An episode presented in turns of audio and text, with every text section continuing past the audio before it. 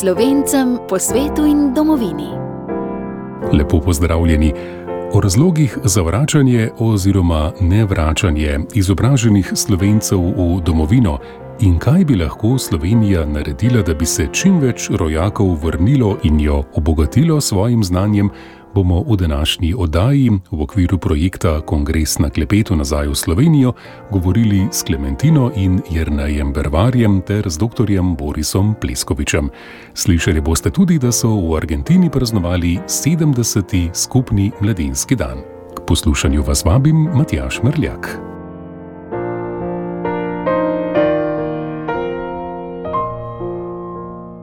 Danes boste lahko v okviru projekta Kongres na klepetu s podnaslovom Nazaj v Slovenijo, ki ga pripravljamo s Svetovnim slovenskim kongresom, prisluhnili Klementini in Jrnaju Brvarju, slovencema, ki živita in ustvarjata v New Yorku.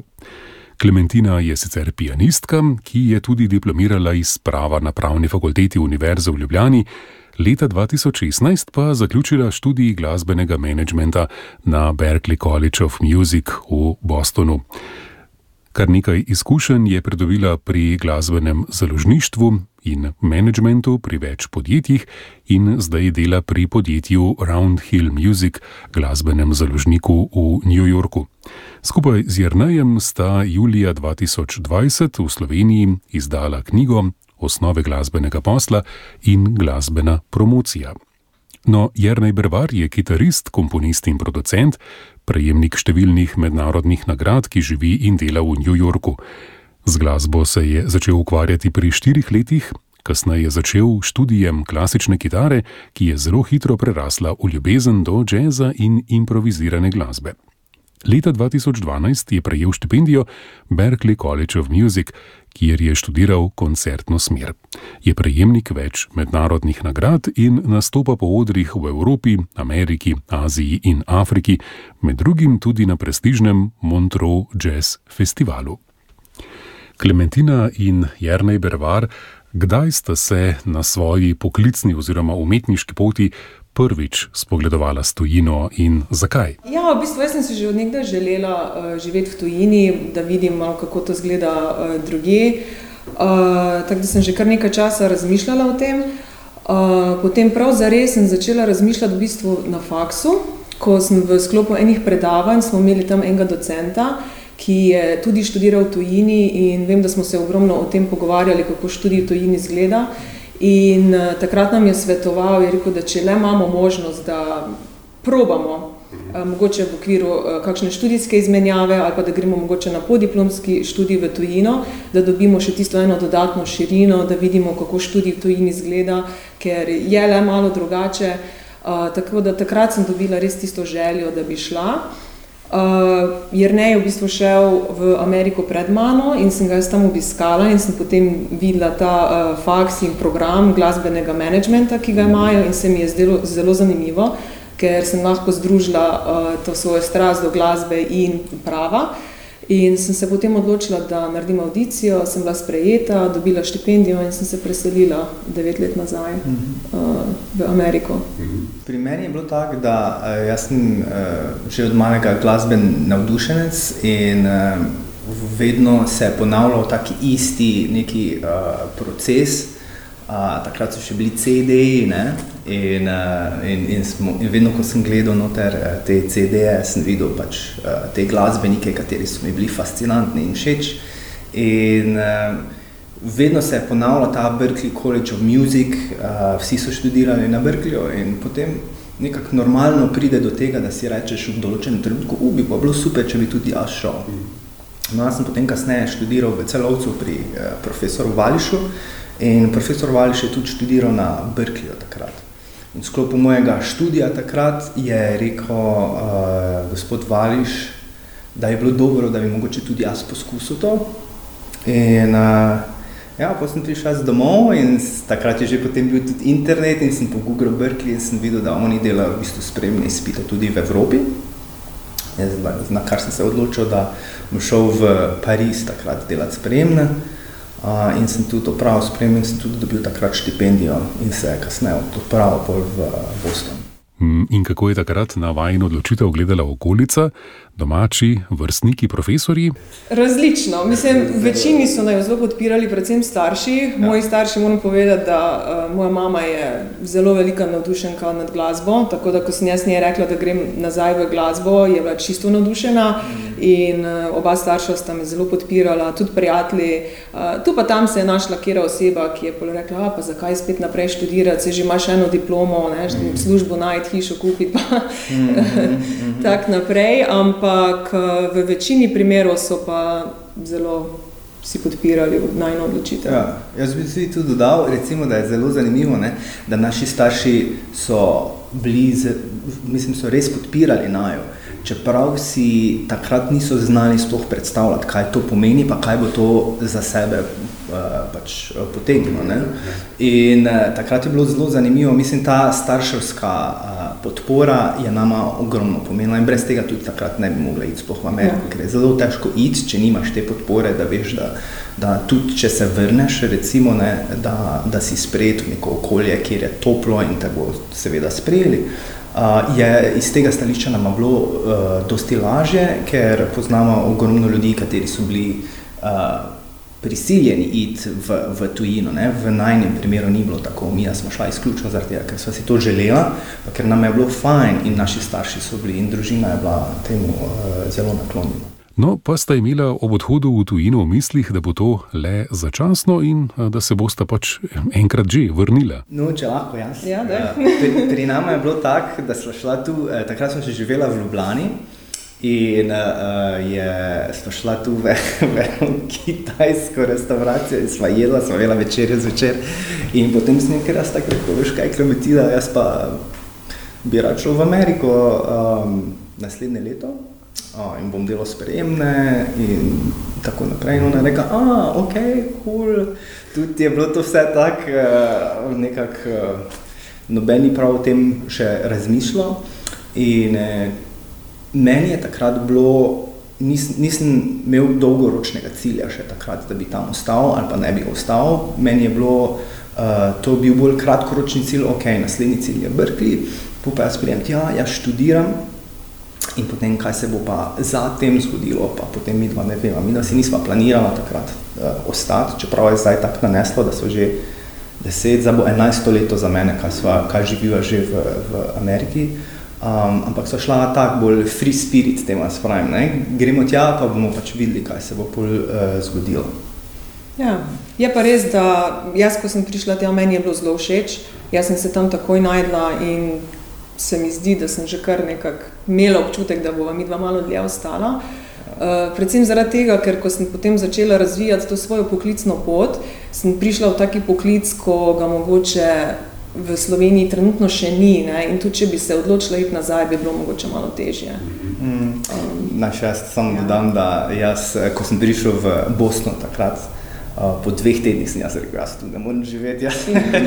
to je meni ta kultura, mi je čisto tuja. Uh, zdelo se mi je, kot da priješ uh, na Mars, na neki drugi planet, kjer je vse drugače, ljudje drugače razmišljajo, drugače živijo, drugačna kultura, tempo življenja, uh mhm. -huh. hrana je bila čisto drugačna. Je, na vse to meni je bil res mi je bil velik šok. Mogoče tudi zaradi tega, ker nisem toliko se takrat hotel uh, pripraviti na neko spremembo, ampak sem samo šel kako se reče, z culico na rami ne? in pač bomo videli, kaj se bo zgodilo. Ne? Kasneje pa je preko najnega poklica, tako da je ona rekla, pri meni je bilo isto. Ne? Potem pa vidiš, uh, da priložnosti začnejo prihajati, da se dogajajo stvari, da, da, da je v bistvu neomejeno nekih možnosti v najnem poklicu, katere so, katere so v Evropi ali pa drugot po svetu še mogoče ne tako razvite. In potem ti postane preko tega, ti potem postane všeč. In uh, zato smo že tako uh, dolgo, ne? ker to se nadaljuje. In potem, ko gledaš vsako leto uh, spon svoje kariere ali pa zaton, uh, vidiš, da skozi vseh teh deset let se še vedno ta najna karierna pot razvija in da je vsako leto boljše, zato še vedno ostaja. Ja. No in kako je zdaj? Razmišljate o vračanju v Slovenijo ali ne? Ja, Zaenkrat je plan, da ostanemo. Zdaj, zdaj, zdaj, si- zdaj si malo posegel v.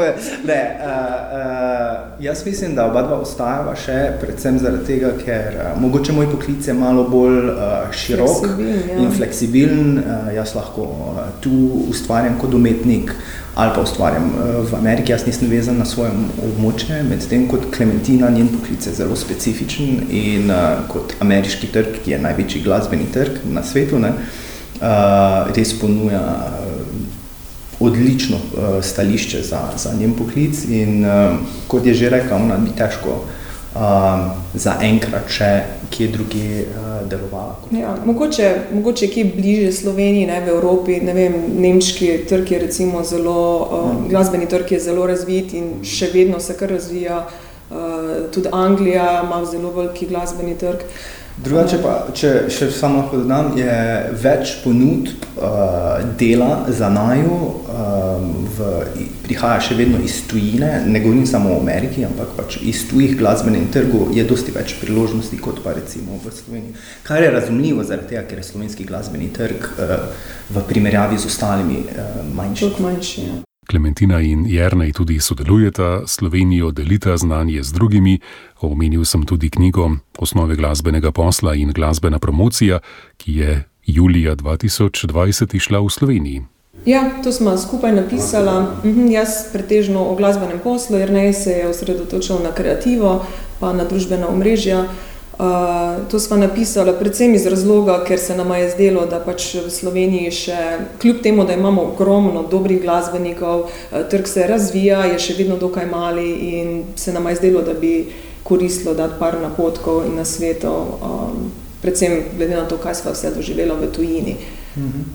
Mladi eh, eh, glasbeniki v Sloveniji, eh, če že govorimo o, o glasbenem poslu, ne vejo prav dosti zaradi tega, ker eh, na to temo ni nobene eh, literature. Literature. In vsako leto, od najnega študija pa do zdaj, vsako leto je veliko mladih glasbenikov piše prek socialnih medijev, maila in tako naprej, um, da jih zanimajo stvari, kako se to naredi, kako izdam CD, ali bi imel menedžere ali ne bi imel menedžere, ali moram iti na turnejo ali ne, kako se to sploh naredi. Kdo kaj dela, Ja, ja. kdo kaj dela in um, avtorski honorari, mislim, od vsega, iz celih področji, tudi študija v tujini.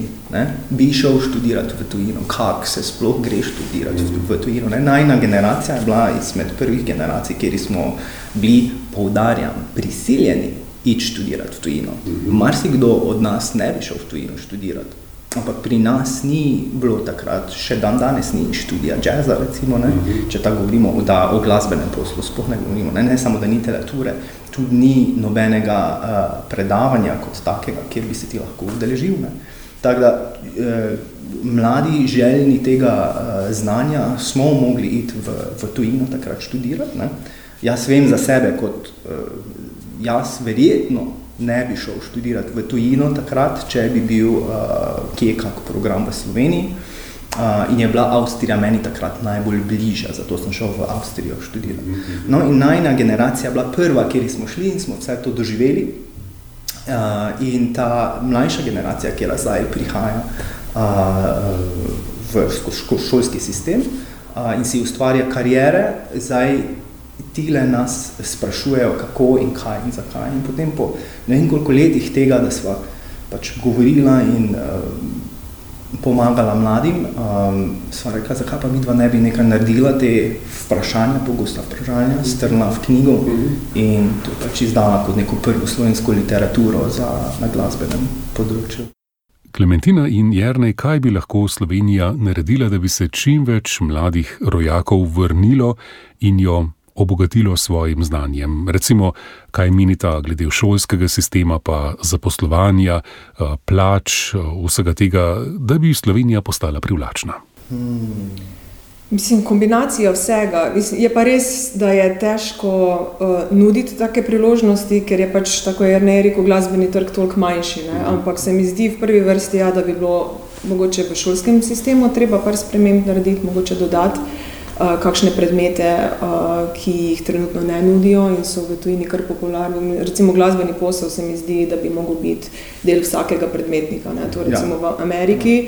Uh, tudi tiste glasbeni faksi, ki tega niso imeli, so zdaj začeli uvajati, ker so videli, kako je to pomembno. Ne? Da pač glasbenik biti je eno, potem pa kako to udejaniti, kako se potem na trg kako sploh priti na trg, je pa potem druga stvar. Ne? Mhm. In ogromno glasbenikov, tudi na Brkliju, recimo, so bili izjemni eh, instrumentalisti, medtem ko niso imeli pojma o glasbenem poslu, uh, kako registrirati svoje dela, uh, ne vem, ko dobijo kakšno pogodbo pred sebe. Ali je to dobra pogodba, ali ni, na kaj paziti, da jih kdo okrog ne prenese, da ne dajo avtorskega honorarja, ki, do katerega pač so oni upravičeni.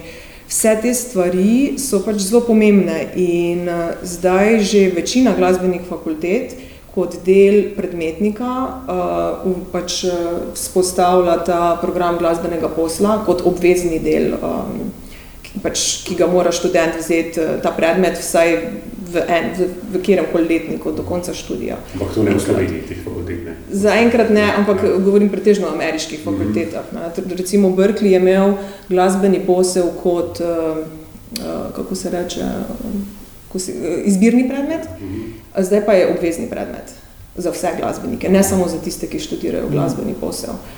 Um, tako da to, to potem mogoče malo olajšati uh, na trgu zaposlovanja mogoče malo manj rigidnosti, um, da vseeno pač se da priložnost uh, čim večjemu številu ljudi, mogoče malo drugačni kriteriji za zaposlovanje, kot so vsaj takrat bili, ko sem jaz iskala službo. Um, ne vem, če še hočeš ti kaj dodati. Jaz mislim, da je problem tudi velik eh, v Sloveniji, zaradi tega, ker se glasba eh, smatra še vedno dan danes, mogoče se je že malo spremenilo, ampak se vedno smatra kot eh, popoldanska dejavnost. Um, če greš nekam, pa rečeš, da glasbenik te vsak vpraša, razumem, ampak kaj je tvoja služba? Ne, jaz sem glasbenik. Uh, pa te vprašajo, da polučiš na glasbeni šoli. Ne, ne učim na glasbeni šoli. Ja, kaj pa pol delaš? In, in to govori, dosti krat je priča o tem, da, da ne jemljemo glasbo in umetnost kot tako, kot sam poklic. In iz tega potem sledi problem vsega ostalega, ker če smatramo kot to, kot neko, mislim, je najlepši hobi tudi, ne. Ja. Uh, ni lepšega hobija na tem svetu, kot pa se ukvarjati glasbo, ne? ampak uh, to potem tudi prinese, da nekako ne jemlješ resno tega poklica in zakaj bi potem v to investirali, zakaj bi potem bilo pomembno, da sploh glasbeni biznis imaš, uh, neki predmet v, v, v, v šolah. Ne? Um, čeprav moram priznati, da vsaki glasbenik, ki se z glasbo ukvarja na svoji točki, v, v določenem uh, na točki svoje kariere ne, eh, se zaveda in vidi, kako je to pomembno. Da je to v bistvu najpomembnejša stvar. Ker eh, če priješ do te točke, pomeni, da si v, v, odličen glasbenik, tako tak, ne. Ampak kako pa pol to udejaniti, da postane to tvoja karijera, ne, pa je glasbeni posel tisti, kjer ti prinese ravno to. Klementina in Jrnej Brvar, hvala za ta pogovor uspešno na vajni poti še naprej in hvala tudi predvsem za veliko dobrih idej in istočnic, ki sta jih v tem pogovoru pred nas predstavila. Najlepša hvala. V današnjem pogovoru, kongres na klepetu s podnaslovom Nazaj v Slovenijo, ste lahko spoznali Klementino in Jrnaja Bervarja, slovenca, ki živita in ustvarjata v New Yorku, se pa seveda ukvarjata z glasbo in tudi glasbenim založništvom in menedžmentom. Video posnetek pogovora si lahko ogledate tudi na spletni strani Svetovnega slovenskega kongresa slovkongres.com. Poslušate podcast Radia Ognišče. Podcast Radia Ognišče.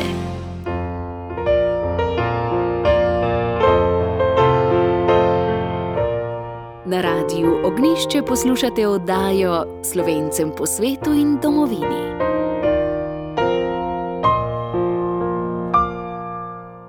Poglejmo v Argentino.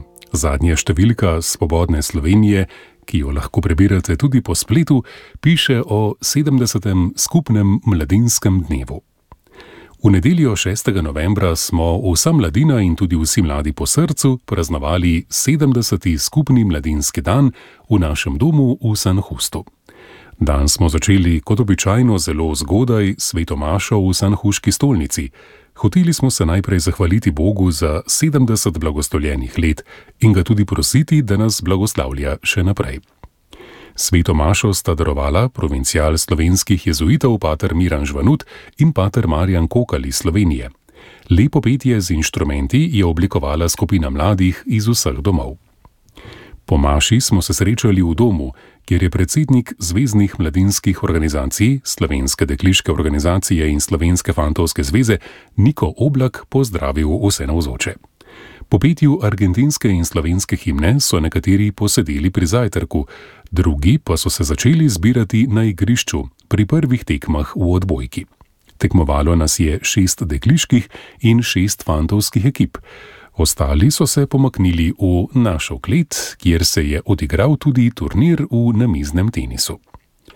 Ob 13. uri je sledilo skupno kosilo, ki je bilo ob tako pomembni obletnici še posebno slovesno in zelo okusno.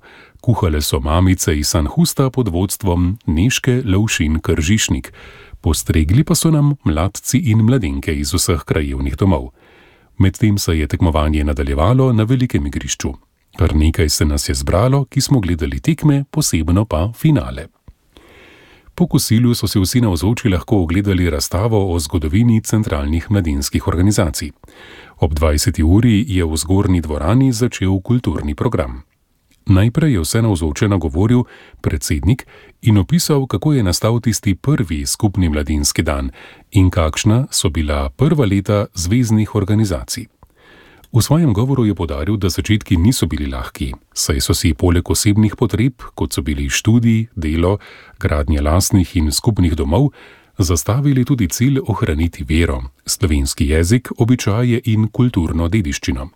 Imeli so veliko idealizma, ljubezen do rodne domovine in zaupanje v božjo ter marijino pomoč. Ustanovili so organizacijo, iz katere naj bi mladina črpala moči, da bi v tujem svetu ostala zvesta narodu in Bogu. Začrtala si je smernice in jih vestno izpolnjevala. Predsednik je tudi omenil, da se je prvi skupni mladinski dan praznoval leta 1952 na slovenski pristavi in od takrat naprej Zvezdni mladinski odbor neprekinjeno praznuje vsako leto svoj posebni dan. A da letos lahko praznujemo ta visoki jubilej, je gotovo zasluga dela naših prednikov, dobrotnikov in vseh tistih, ki so pomagali k napredku zvezdnih organizacij. Svoje misli sta podala tudi delegat slovenskih dušnih pastirjev v Argentini in dolgoletni duhovni vodja za mladino Franci Cukjati in predsednik Zedinjene Slovenije Jure Komar. Njima smo tudi dali priznanja v zahvalo za pomoč, ki nam jo nudijo med letom. Na to smo povabili na oder predsednike in predstavnike mladine vseh krajevnih domov. Tudi njim smo podelili priznanje v zahvalo za opravljeno delo med letošnjim letom. Končno pa smo se zahvalili vsem, ki so bili v organizaciji pred nami in brez katerih verjetno nas danes ne bi bilo vsem tistim, ki so vodili nekdanje odbore in ki nam še danes pomagajo in nas učijo. Obenem pa smo imeli v mislih tudi vse tiste, ki jih ni več med nami in katerim smo neizmerno hvaležni za vse njihovo delo. Povabili smo na oder vse nekdanje predsednike zvezdnih mladinskih organizacij in jim podelili spominsko priznanje. In končno smo nestrpno dočakali, da je prišel na vrsto kulturni program našega 70. skupnega mladinskega dne. Letos smo si lahko ogledali originalno igro v izvedbi skupine mladih pod naslovom Intenzivnih 70 let. Uživali smo, ko smo gledali, kaj se dogaja v glavi Tomija, glavnega junaka naše predstave, medtem ko doživlja različne izkušnje in čustva, ki jih tudi doživljamo mi vsi, še posebno mladi v skupnosti. Pri nastopanju in pripravi igre je sodelovala mladina iz raznih odsekov. Po predstavi smo se zahvalili dr. Štefanu Godcu za režijo igre in ustrajnost pri vajah, in tudi vsem tistim, ki so nam pomagali, da je dan tako lepo in srečno uspel. Zahvalili smo se vsem mladim, ki so nam pomagali s pripravo dneva, bodi si s petjem, postrežbo, igranjem. Brez te pomoči dan ne bi tako lepo potekal. Po končani igri smo oddali kolajne zmagovalcem v športu. Prvo mesto pri dekletih je usvojila ekipa iz Slomškovega doma, pri fantih pa mladi iz našega doma. V turnirju namiznega tenisa sta prvo mesto osvojila Kristjan Šenk in Niko Oblak. Po predstavi smo vsi skupaj zapeli našo mladinsko himno in z njo spet obnovili naše želje, da ostanemo zvesti svojim koreninam. Na to smo povabili vse mlade, da se nam pridružijo na odru. Zapeli smo pesem, ki sta jo za naš jubilej posebno napisala Viki Kastelic in Ivan Urbančič. Potem smo vsi navzoči bili deležni okusne torte, ki jo je krasno izdelala Aleksandra Grill. Za zaključek dneva so se v spodnjih prostorih zaslišale polke in pogovori vseh tistih, ki so z nami delili to praznovanje. Zaplesali smo tudi skupino KM43. Tako smo končali ta dan, v katerega smo vložili veliko truda, osebnega časa, a tudi navdušenja. Iz srca smo hvaležni vsem, ki ste z nami praznovali 70 let našega skupnega delovanja. Čeprav je včasih delo naporno in skrbi velike, so taki dnevi vedno spodbuda, da bomo to ohranili še drugih 70 let. Nasvidenje čez eno leto. Tako so zapisali v Centralnem odboru Slovenske dekliške organizacije in Slovenske fantovske zveze. Poslušate podcast Radio Ognišče. Podprite nas s svojo oceno.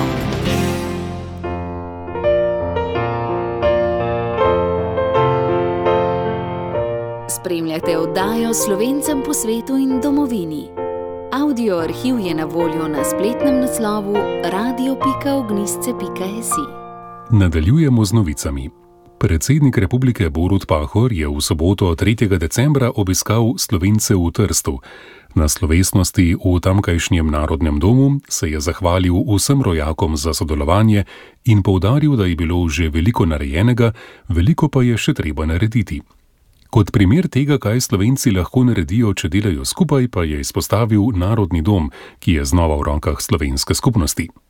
Pojdimo s pogumom naprej, ohranimo razlike, ker nas bogatijo, bodimo demokratičen narod in pazimo na svoj jezik in vse, kar določa kulturo, zavest, identiteto, je pozval.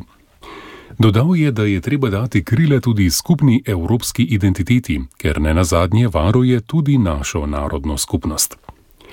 Predsednik je na slovesnosti orisal nekaj dogodkov, ki so privedli do tega, da sta 13. julija 2020 z italijanskim predsednikom Sergio Mattarellom, sto let po fašističnem požigu Narodnega doma v Trstu, skupaj prisostvovala podpisu dokumenta o prenosu lasništva te zgradbe v roke slovenske manjšine. Pri tem je izpostavil, da sta prav predsednika krovnih organizacij manjšine, ki sta bila pripravljena preseči razlike v stališčih, odločno vplivala na to, da je Narodni dom znova v slovenskih rokah. No, predsednika kravnih manjšinskih organizacij Walter Bandel, Svet slovenskih organizacij in Ksenija Dobrila, Slovenska kulturno-gospodarska zveza, sta se Pahorju zahvalila za sodelovanje in prizadevanja za dialog. Borut Pahor je trst obiskal pred postovilnim srečanjem z italijanskim predsednikom Mattarello v ponedeljek v Rimu. V četrtek in petek pa je v Ljubljani sprejel še avstrijskega predsednika Aleksandra van der Belna. Izpostavila sta odlične odnose med državama in tudi osebne prijateljske odnose. Sta se pa strinjala, da bi Avstrija morala več narediti glede uresničevanja pravic slovenske manjšine na avstrijskem Koroškem. Parlamentarna komisija za slovence v zamajstvu in po svetu je imela sejo na praznik 8. decembra. Več poslancev in predstavnikov iz zamajstva in sveta je opozorilo na novodobne, pogosto visoko izobražene izseljence in pozvalo k spodbujanju njihovega vračanja v domovino. Izpostavili so tudi pomen učenja slovenščine in izpostavili pomankanje slovenskih duhovnikov, ki tudi prispevajo k ohranjanju jezika.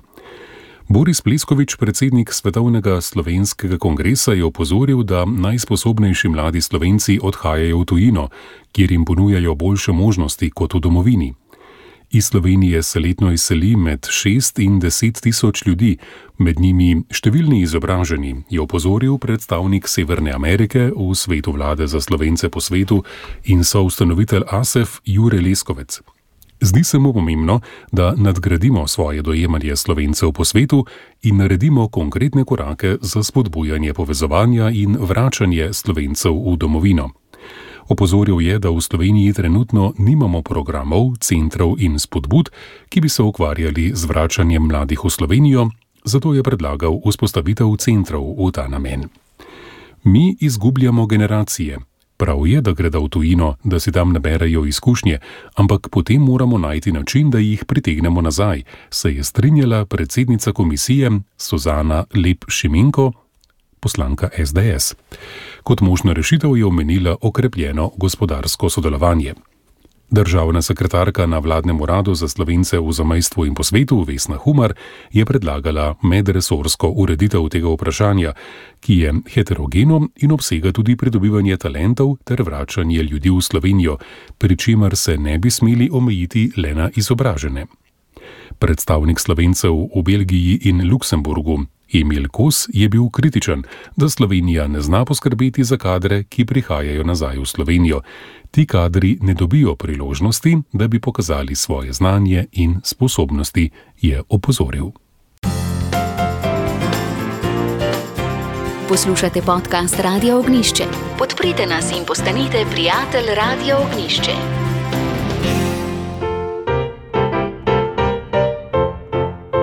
Poslušate oddajo Slovencem po svetu in domovini.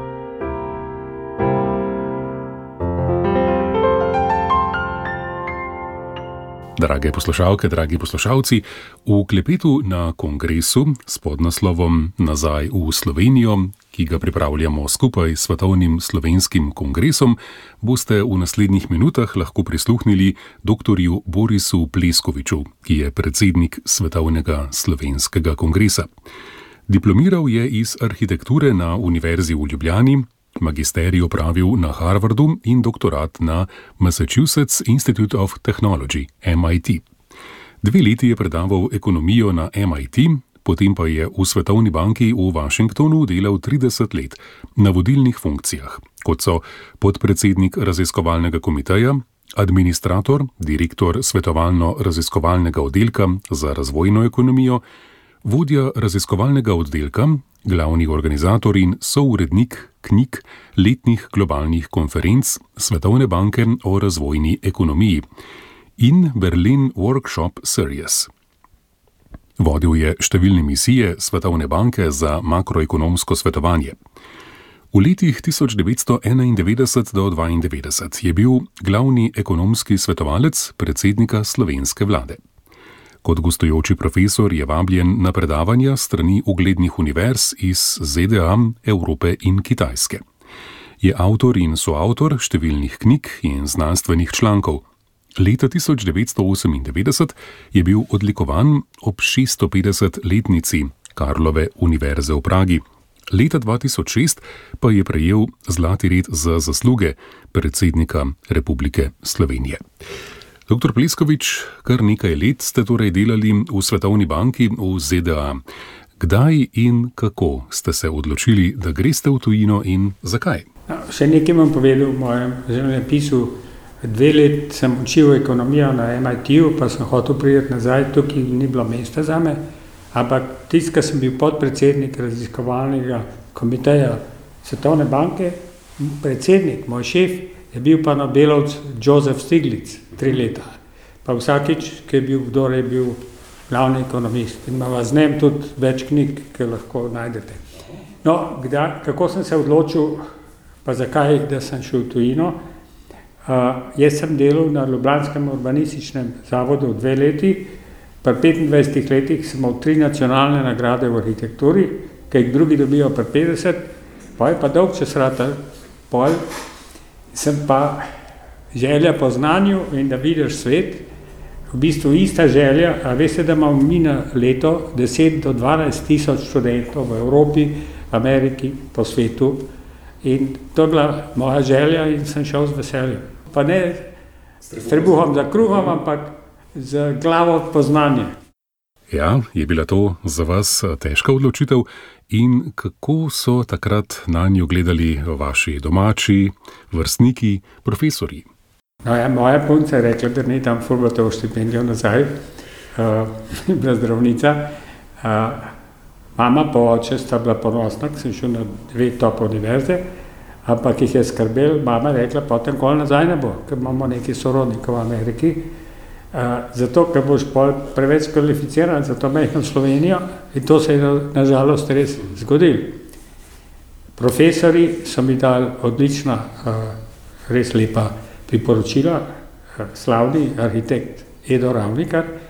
Takrat je bila navada, ker v Ameriki to ne profesionalno, da si sam napišeš priporočilo, profesor pa podpiše. Ne? Na MIT-u sem jaz s mojo mentorico učil, Pa je rekla, Boris Karlos me je vprašal za priporočilo, ampak on ima trojke, vse ocene. Pa sem mu rekla, to te nov delač prepala. In tam ti napiše priporočil, veliko tega sploh ne pokaže. Jaz sem pa napisal za Edo Ravnikar, da sem mu najboljšo, kaj je on izjavil, diploma v zadnjih desetih letih, deset deset, odlični študent, pa perspektiven, pa pa to pogleda, pa malo oči zavrti, pa pravijo, to bi jaz lahko zase napisal. Pol sem že vprašal, da bi rekel, da moram popraviti, ali pa da bom podpisal, pa je podpisal, pa je bilo. No, tako da so mi dali dobro priporočila, moji kolegi v službi, prijatelji so bili navdušeni, uh, kakšni znanci so bili pa malo nemošljivi.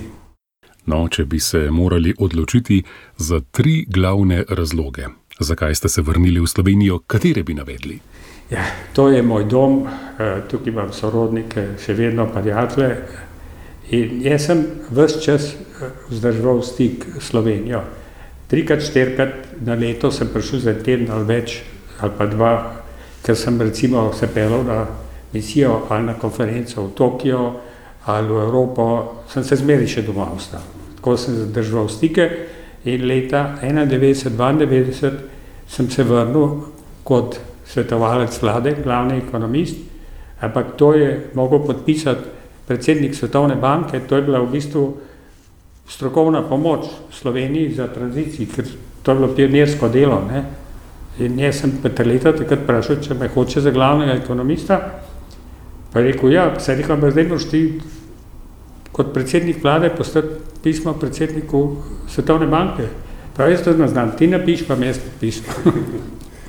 No, in pol, ker sem imel vse te stike, zdaj tukaj mi, ker si to povišan, pa imaš tako visoko plačo, uh, tisoč dolarjev na dan, je težko pol nazaj prideti sem. Uh, in sem ostal, ampak sem si zmeri želel priti nazaj in tudi, jaz sem imel neki prijatelj v Ameriki, ampak to niso iskreni prijatelji, tam so superficial, v bistvu imaš znance, ne? tukaj imaš pa familijo, pa pa to je varna, lepa država, tako kot prav uh, uh, tista pesem uh, Odal se neka Slovenija, odkot lepote tvoje, jaz občudujem, ali pa una ta druga, uh, tam, kjer lastovke, uh, so, uh, tam so dobri ljudje doma. Jaz sem bil lastovka v tem smislu. Dr. Bleskovič, v Slovenijo ste se vrnili po zaključeni poklicni karieri. Sedaj pa tukaj kot predsednik Svetovnega slovenskega kongresa pomembno prispevate k mreženju slovenskega svetovnega znanja na različnih področjih. Kaj bi lahko Slovenija naredila, da bi se čim več uspešnih rojakov po zaključku aktivne kariere vrnilo nazaj v Slovenijo? Ja, tukaj vam dam primer Eh, dveh, to smo zvedeli na Ministrstvu za slovence po svetu, en iz Kanade je prišel, pa en iz Nemčije, da se vrnila, ampak to s takimi penzijami, kot jaz, ki so preko 200 tisoč evrov na leto, ne, vrhunski strokovnjaki imajo take penzije, so desetkrat večje kot pri nas in sta kupila hišo, vikend, Mercedes, plačala 22% davke pri vsaki transakciji, Pol je pa pri nas do 60 tisoč, so malo nižji davki, ker take plače imajo poslanci, pa eh, predsednik vlade pa države, pol so pa 50 odstotkov. In vsak, ki v zuni dela, mora delati veliko. je naporno, je garov za ti znak. Ne? In ko sem zaračunal 50% davkov, so spokala pa šla. Pa vse prodala. Ne? In to je škoda, ker taki ljudje, ki se vrnejo, tudi svetujejo uh, v prostem času. Jaz za svetovni kongres delam za ston. Potem sem že več kot deset let uh, predsednik Medikor klinike v Izoli, ki je tako dobra, kot najboljše v Švici, vsaj po njihovih rezultatih bypassov, srčnih zaklop, srčnih operacij imajo res vrhunske. Uh, in tudi tam delam pro bono za ston. V Avstriji se bivši uslužbenci OZN, United Nations, ne plačajo nobenih davkov. To je naredil Waldkamp, ki je bil generalni sekretar, tudi zato, ker ima Avstrija United Nations Development Program zelo velik inštitucij na tisoče uslužbencev, kot Ženeva, ne, pa New York, uh, ampak Avstrija ima več kot Ženeva in s tem se lahko tudi, če nekdo dela za Svetovno banko, IMF, United Nations, Kitajc, Indic, uh, Francos se lahko v Avstriji brez uh, davkov uh, upokoji. To se pravi, jaz nočem, da jim nič davkov ne zaračuna, ampak če bi v Ameriki nekdo s tako visoko penzijo plačal uh, 20% ali 25% davkov, da je pa 50%, bo da je take pogoje, ki jih ima tam, kjer je delal, pa so pa nekatere države na svetu, ki pa, če so nekateri zaslužili na penzijo drugje, jim niti ne obdavčijo. Tako da, če hočeš dobiti nazaj, jim moraš tudi nekaj dati. Pol je pa še en uh, problem, ki ga jaz poznam iz moje familije, mi smo imeli enega strica, Đorđa, ki je bil precej premožen milijonar, je tukaj 15, se upokojil za 15 let, pa je šel pa en pregled v Ameriko, zdravniški je tam umrl in njemu tukaj ni bil, uh, uh, ni imel svojih otrok, je bil sam uh, in je imel tukaj veliko nečakov in tam. In so oni, bogate advokate najeli, pa v znar pobrali, moja mama je dobila pa 500 dolarjev, pa njeni sestre pa brati. To se pravi, se to v našo korist, če jih več nazaj dobi. Ustvariti pravo klimo torej. Ja. Tako tudi za mlade, ki odhajajo. Ne? To me pa še bolj skrbi. Mladi, 10 do 12 tisoč na leto jih študira v tujini. In uh, vsako leto se na našo priporočilo zadnjih 8 let srečajo v kristalni dvorani ali pa velik podrožnik pri predsedniku Pahorju, pride jih 200-300 in jih vprašajo, ali bi želeli se vrniti nazaj. 70% pravijo ja, imajo tudi okrogle mize od tistih, ki so se vrnili, da povejo svoje izkušnje, ker to, da se vrneš, ni zadost, da sam čakaš, da, da ti bojo ponudili službo, se moraš tudi malo potruditi, ampak pri nas ni tako velika zanimanja, v zuni že med študijem te intervjujejo, da bi te pridobili.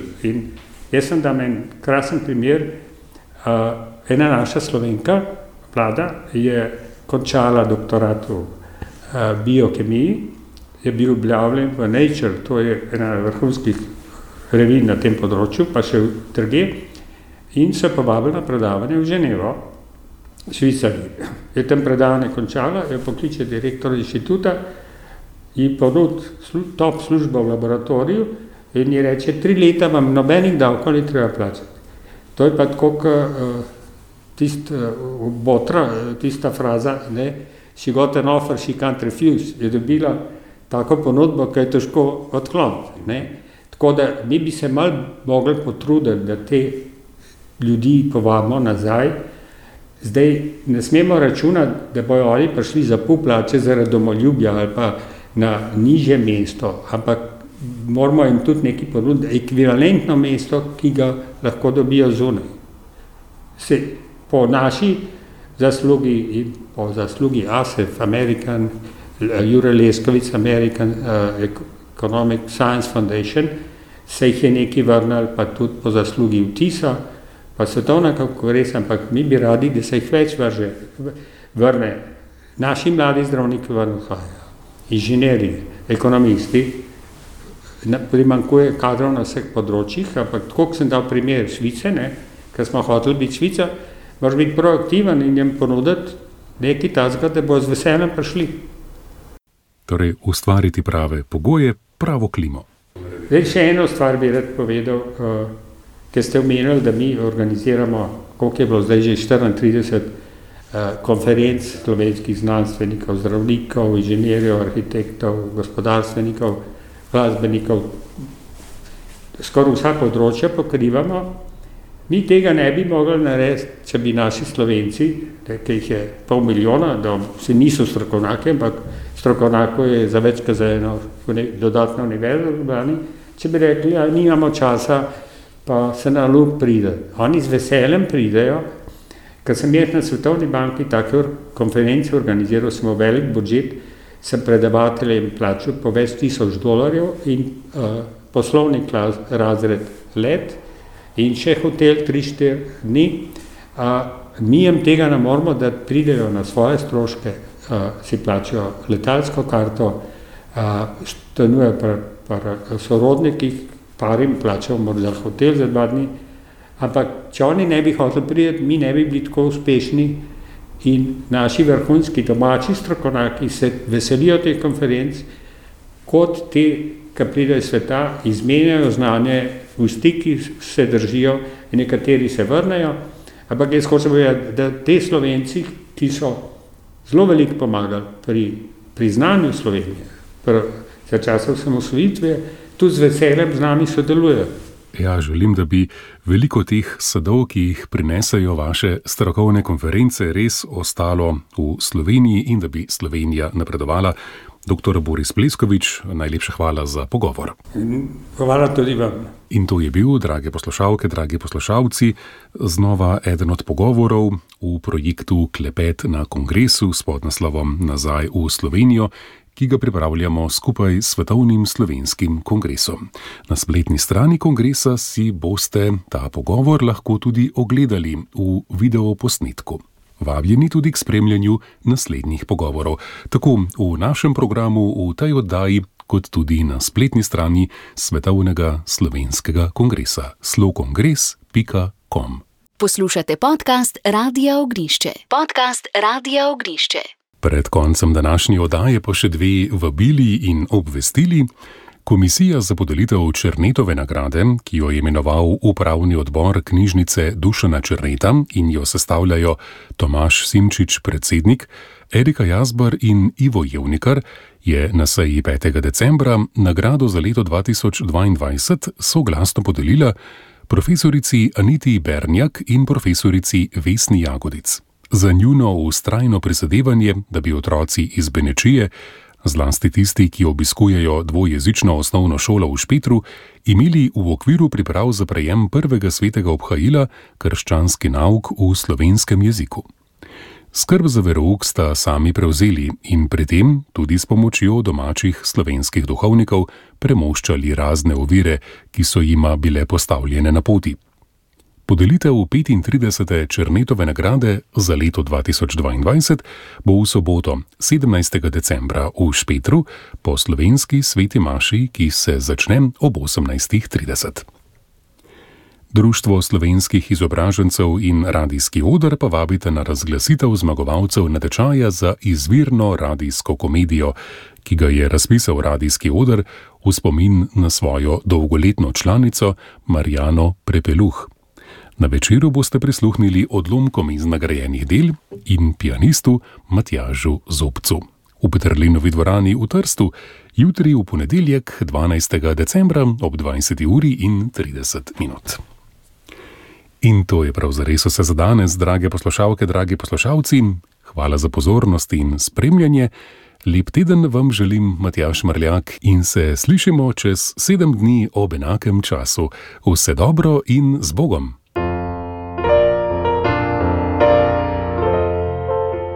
Na radiju Ognišče ste poslušali oddajo Slovencem po svetu in domovini.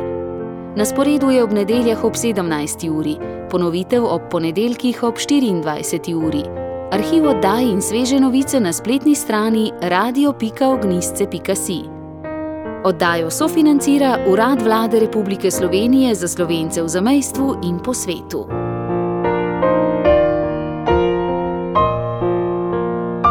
Hvala, da ste poslušali našo oddajo. podprite brezplačen dostop do vsebin in postanite prijatelj Radia Ognišče.